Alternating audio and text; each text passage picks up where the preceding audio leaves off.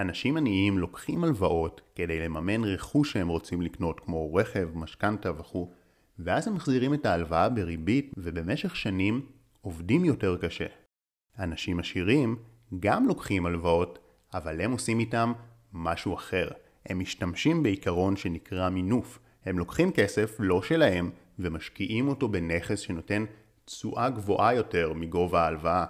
ככה, מכלום הם עושים כסף. אמנם הם צריכים להחזיר את ההלוואה, אבל זה לגמרי שווה את זה, כי התשואה על ההלוואה הייתה גדולה יותר מהריבית עליה.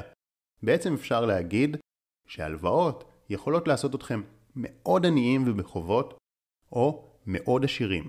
תלוי איך אתם משתמשים בהן. אותו הדבר נכון עם שתיית קפה ועם עוד סמים חוקיים כמו ריטלין ותרופות נוגדות דיכאון.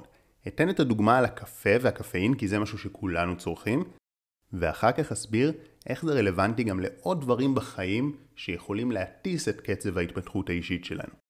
אז בעצם, לשתות קפה זה כמו לקחת הלוואה. זה גורם לכם להתעורר, אבל זה לא באמת שהגוף שלכם יותר טעון באנרגיה. זה רק תחושה זמנית של ערנות, שאחר כך תגרום לכם גם להיות קצת יותר עייפים. עכשיו, אם אתם משקיעים גרועים, אתם שותים מלא קפה ולא קולטים שצריך להחזיר את ההלוואה, אז אתם שותים אותו כמה פעמים ביום, שומר אתכם חדים, אבל אתם נכנסים לחובות. הגוף שלכם מתחיל לצבור עייפות, שאתם לא מרגישים אותה עכשיו כי ההלוואה מחזיקה אתכם מעל המים, אבל בסוף תצטרכו לשלם, וזה בא בכאבי ראש, מחלות וכל מיני דרכים. מה שקורה עם הזמן הוא שהמוח מסתגל לקפאין, ואז הקפה שפעם שתיתם כבר לא מספיק. צריך להגדיל את המינון. אבל ברגע שאתם במינוס, עצם זה שאתם מגדילים את המינון לא הופך אתכם לערניים יותר ושם אתכם בפלוס. זה רק מכסה על המינוס. אתם שותים קפה כדי להגיע למצב שפעם הייתם בו בטבעי בלי הקפה. אתם בעצם בשלב של לקחת הלוואה על המינוס, הלוואה שמכניסה אתכם עוד יותר עמוק לבוץ. ולא, הבוץ הזה הוא לא רק בקפה שחור, הוא גם באספרסו וגם בקפאין מכל הסוגים.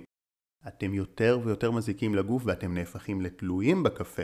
הוא כבר לא באמת מעורר אתכם כמו פעם, אבל אתם חייבים אותו כדי שהמצב לא יהיה גרוע יותר. אתם באוברדרפט. לעומת זאת, אם אתם משקיעים חכמים, אתם משתמשים בקפה כדי למנף. לדוגמה, שותים רק לפני אימון כושר. ככה שאתם מוציאים מעצמכם יותר באימון, ומחזקים את הגוף שנהפך לבריא יותר. ואתם לא שותים סתם ככה בלי צורך רק בשביל התחושה הנעימה. אתם לוקחים את ההלוואות שלכם באופן מושכל.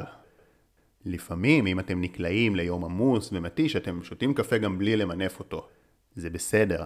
אבל אז הוא באמת יכול לעזור לכם, כי אתם לא במינוס, המצב שלכם טוב ומאוזן ומספיקה לכם כמות מאוד קטנה של הלוואת קפה כדי להתעורר, ואתם יכולים להחזיר את ההלוואה עוד באותו יום. עכשיו, קחו את אותו הדבר בדיוק לגבי תרופות נוגדות דיכאון וחרדה. אלו גם הלוואות. משקיעים בורים לוקחים את זה וחושבים שפתרו את הבעיה, אבל המוח מסתגל לתרופות. הם צריכים להגדיל את המינונים כל הזמן, כלומר לקחת הלוואה על המינוסים שהם יצרו לעצמם, ואם עכשיו הם יפסיקו הם בברוך גדול, הם משועבדים. לעומת זאת, משקיעים חכמים משתמשים בתרופות כדי להרוויח זמן של מצב רוח חיובי, שיוכלו לעשות בו טיפול אפקטיבי, שעובד מהשורש. הם ממנפים את ההשקעה שלהם. לצערי הרב, כמו עם כסף, רוב האנשים משקיעים גרועים. הם לוקחים הלוואות שעולות להם בריבית ונכנסים לחובות. בבקשה, אל תהיו כמו הרוב. תמנפו את הכסף שלכם ותמנפו גם את הקפה, תרופות למיניהם אם צריך, תתייחסו לזה כאל הלוואות ואל עוד דברים שתכף נדבר, כי זה מה שזה באמת. אלו לא פתרונות, זה רק הלוואה שיכולה להכניס אתכם למינוס גדול יותר, או לעזור לכם להרוויח. השאלה, איך תשתמשו. אגב, זה לא רק על קפה. המטאפורה הזאת רלוונטית בהרבה מקומות בחיים. גם כשאתם גולשים באינטרנט, לוקחים חופשות, וכמעט כל דבר נעים שאתם עושים, יש לו גם מחיר מסוים. ולכן צריך להתייחס אליו כאל הלוואה, שאנחנו יכולים לבזבז אותה ולהיכנס לחובות, או למנף אותה, ולהפוך למיליונרים של התפתחות אישית ואושר. תחשבו על זה.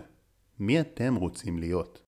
אם אתם רוצים לקבל סרטונים איכותיים באופן קבוע, עקבו אחרי הערוץ וגם הצטרפו אל קבוצת הוואטסאפ, שבה אני שולח פעם בשבוע משפט השראה פלוס סרטון. הקישור נמצא בתיאור למטה. מאחל לכם להיות משקיעים חכמים. שחר כהן